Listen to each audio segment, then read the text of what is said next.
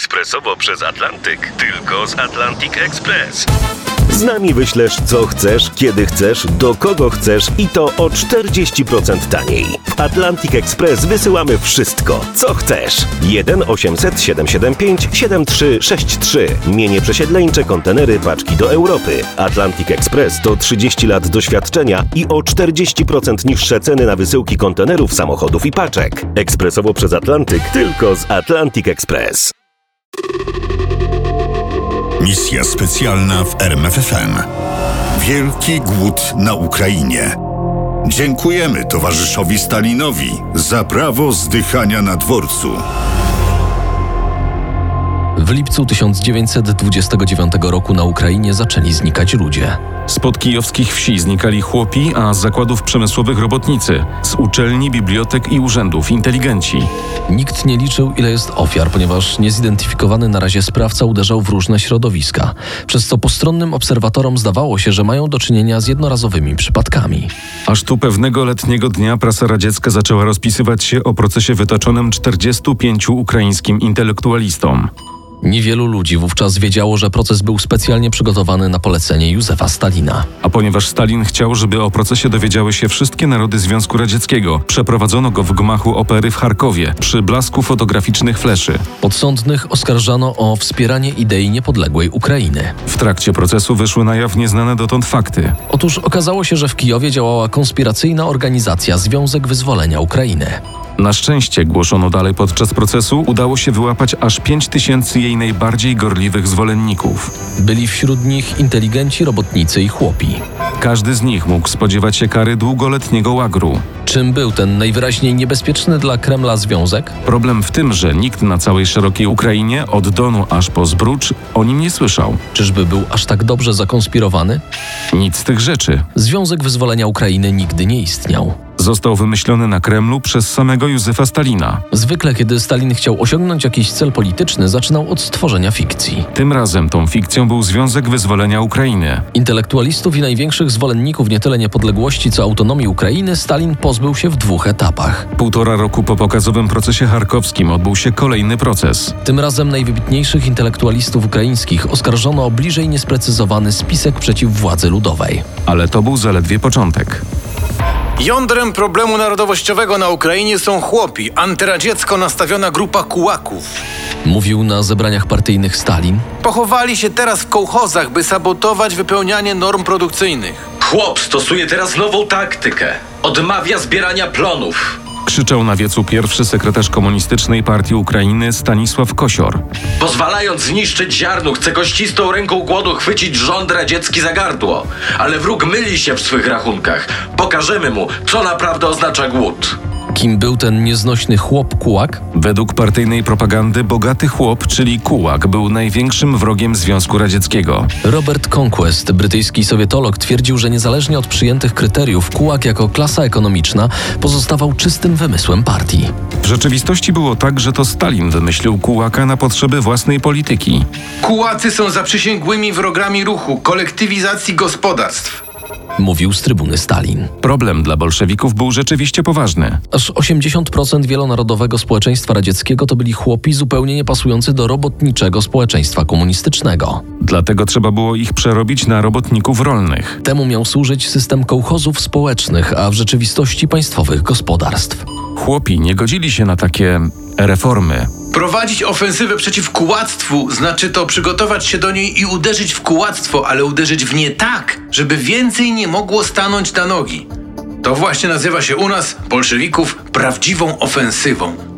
Wojna z kułactwem stanowiła najważniejszy punkt stalinowskiej rewolucji. To unieszkodliwienie zwykle przebiegało w dwóch etapach. Najpierw Kułakowi zabierano ziemię i przekazywano ją pod zarząd kołchozów. A co działo się z Kułakami? Grupę aresztowaną jesienią i zimą 29 roku rozstrzelano. Wiosna 30 roku przyniosła zmianę taktyki. Ludzi spędzono na dworce kolejowe, zapakowano do wagonów bydlęcych i wywieziono na Syberię. Bądź za koło podbiegunowe. Wysadzono ich na odludziu. Pewien ocalały chłop twierdził, że Jedyną rzeczą były wbite w ziemię kołki z małymi tabliczkami. Osiedle numer 5, numer 6 i tak dalej. Przypędzonym chłopom powiedziano, że odtąd sami muszą się martwić o siebie, więc na tym pustkowiu ludzie wykopali sobie w ziemi nory. W ciągu pierwszych lat wielu zginęło z zimna i głodu. Za te wywózki była odpowiedzialna OGPU. Lecz OGPU, czyli poprzednik NKWD i KGB, samo nie poradziło sobie z zadaniem przesiedlenia tylu ludzi. Dlatego zrekrutowano i przeszkolono 25 tysięcy aktywistów. Wszyscy byli młodzi i bezdyskusyjnie oddani partii. Wiosną 30 roku, kiedy długie tasiemce pociągów wlekły się na wschód, już około połowę chłopów ukraińskich zmuszono do pracy w kołchozach. Chłop został ponownie przywiązany do ziemi, tyle że miejsce obszarników zajęła partyjna i państwowa biurokracja i miał pełne prawo uważać się za niewolnika XX wieku. Pisał brytyjski historyk Alan Bullock. Efekt był taki, że gospodarka rolna pogrążyła się w kompletnym chaosie. Chłopi byli zdesperowani, stawili opór, Na Ukrainie i na Kaukazie protesty przybrały formę lokalnych powstań. zabijano własne zwierzęta, świnie, kozy i owce, byle nie oddać ich do kołchozów. Na własne oczy przekonałem się, co oznacza totalna kolektywizacja. Jak kułaczyli i rozkułaczali. Jak bezlitośnie grabili chłopów zimą z 32 na 33 rok. Pisał Kopielew. Sam brałem w tym udział, przeczesując wsie w poszukiwaniu ukrytego zboża, kłując ziemię drutem, sprawdzając, czy nie zakopano tam ziarna. Wraz z innymi opróżniałem spiżarnię starych ludzi, usiłując nie słyszeć płaczu dzieci. Cała ta antychłopska kampania miała oczywiście otoczkę propagandową. Dbał o nią również sam Stalin. Utrzymanie socjalizmu w jednym kraju zależy od zdolności ekonomicznego prześcignięcia Zachodu przez radziecką gospodarkę. Albo nam się to uda, albo zostaniemy zdławieni. Nikt z młodych nie wątpił, że wygrają, że stoją po słusznej stronie barykady historii. Petro Grigorenko w latach 30. młody działacz komsomołu pamiętał z tych lat entuzjazm, jaki ogarniał jego i jemu podobnych piewców socjalizmu. Dotkliwie brakowało chleba, wszędzie były kolejki i kartki. Głód czaił się za rogiem. A jednak porwało nas y, hasło Stalina i radowaliśmy się. Tak, będzie wielka zmiana. Zlikwidujemy chłopskie działki, zniszczymy ziemię, z której może odrodzić się kapitalizm. Niech rekiny imperializmu próbują nas teraz atakować. Teraz, kiedy kroczymy szeroką drogą ku zwycięstwu socjalizmu. W sierpniu 1932 roku ogłoszono dekret o ochronie mienia przedsiębiorstw państwowych, kołchozów, spółdzielni oraz wzmocnieniu własności społecznej. Nazywano go zazwyczaj prawem pięciu kłosów, Dlaczego? ponieważ za zerwanie pięciu kłosów można było dostać karę śmierci lub 10 lat więzienia.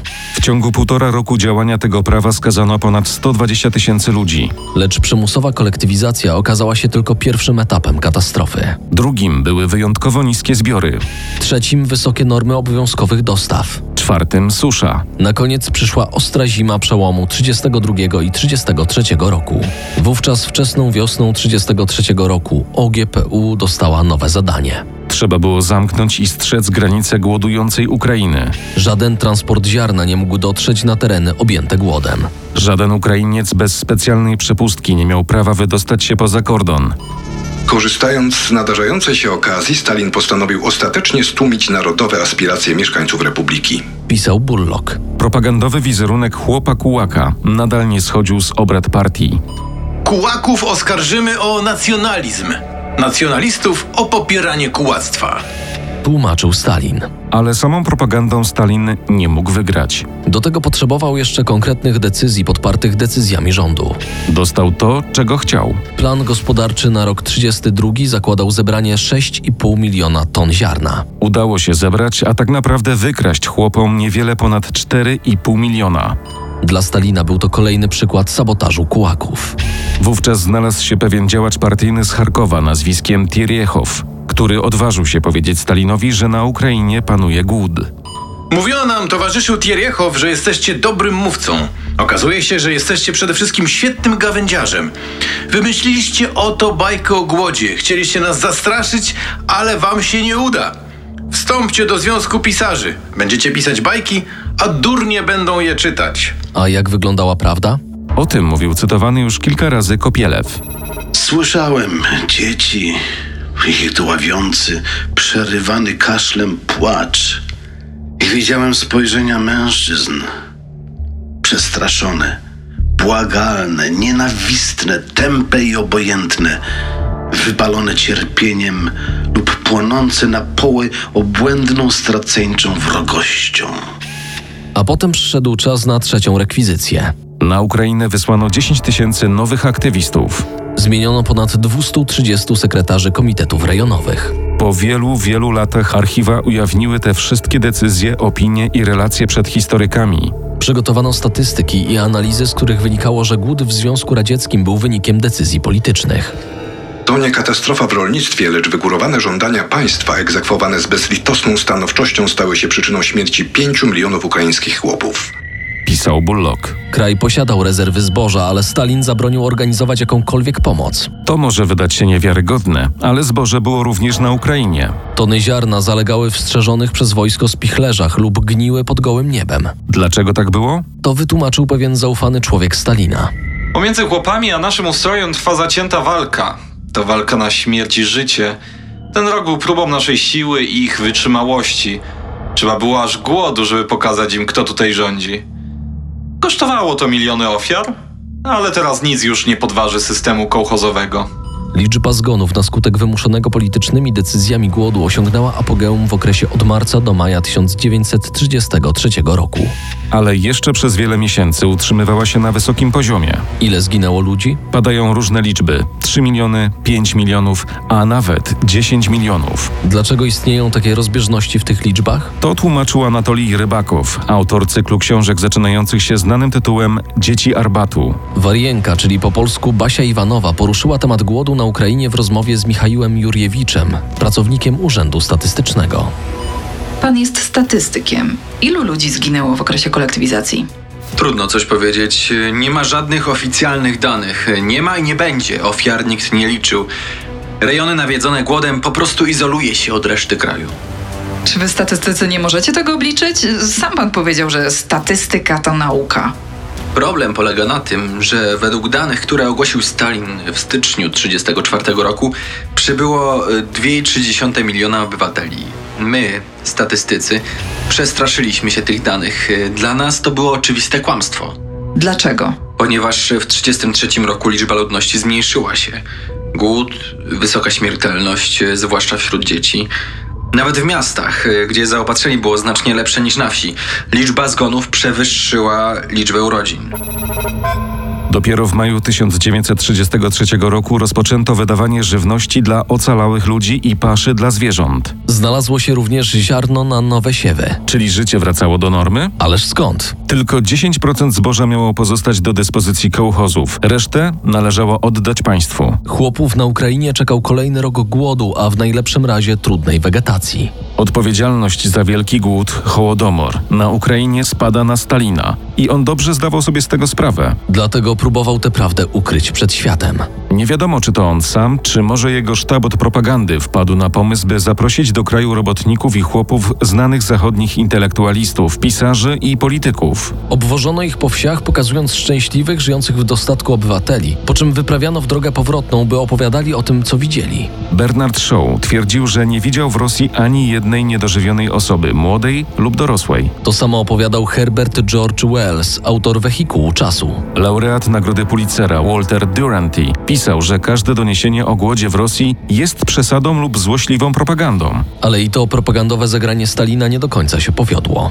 Natomiast Malcolm Magridge, brytyjski dziennikarz, pisał, że jedne z najbardziej żyznych obszarów na świecie zamienione zostały w ponurą pustynię. Magridge, socjalista z przekonania, mieszkał w latach 30. w Związku Radzieckim. Te kilka lat wyleczyło go z zauroczenia komunizmem. Miał przy tym złe zdanie o Durantim i nazwał go największym kłamcą, jakiego spotkał wśród dziennikarzy. Prawda o głodzie na Ukrainie powoli, bardzo powoli po pięciu dziesięcioleciach dotarła do świadomości Europejczyków. Między innymi za sprawą powieści Rybakowa. Pamiętam, Mówiła Waria, że kiedy byłam mała, wszyscy chodzili z puszkami. Zbierali na głodujące powołże. Nikt nie ukrywał, że na powołżu panuje głód. Wszyscy spieszyli z pomocą. Wtedy żył Lenin. Właśnie, a teraz dziękujemy towarzyszowi Stalinowi za szczęśliwe życie. Tak, dziękujemy towarzyszowi Stalinowi za prawo zdychania na dworcu, a nie na ulicy. Misja specjalna w RMFFM. Na tropie największych tajemnic historii.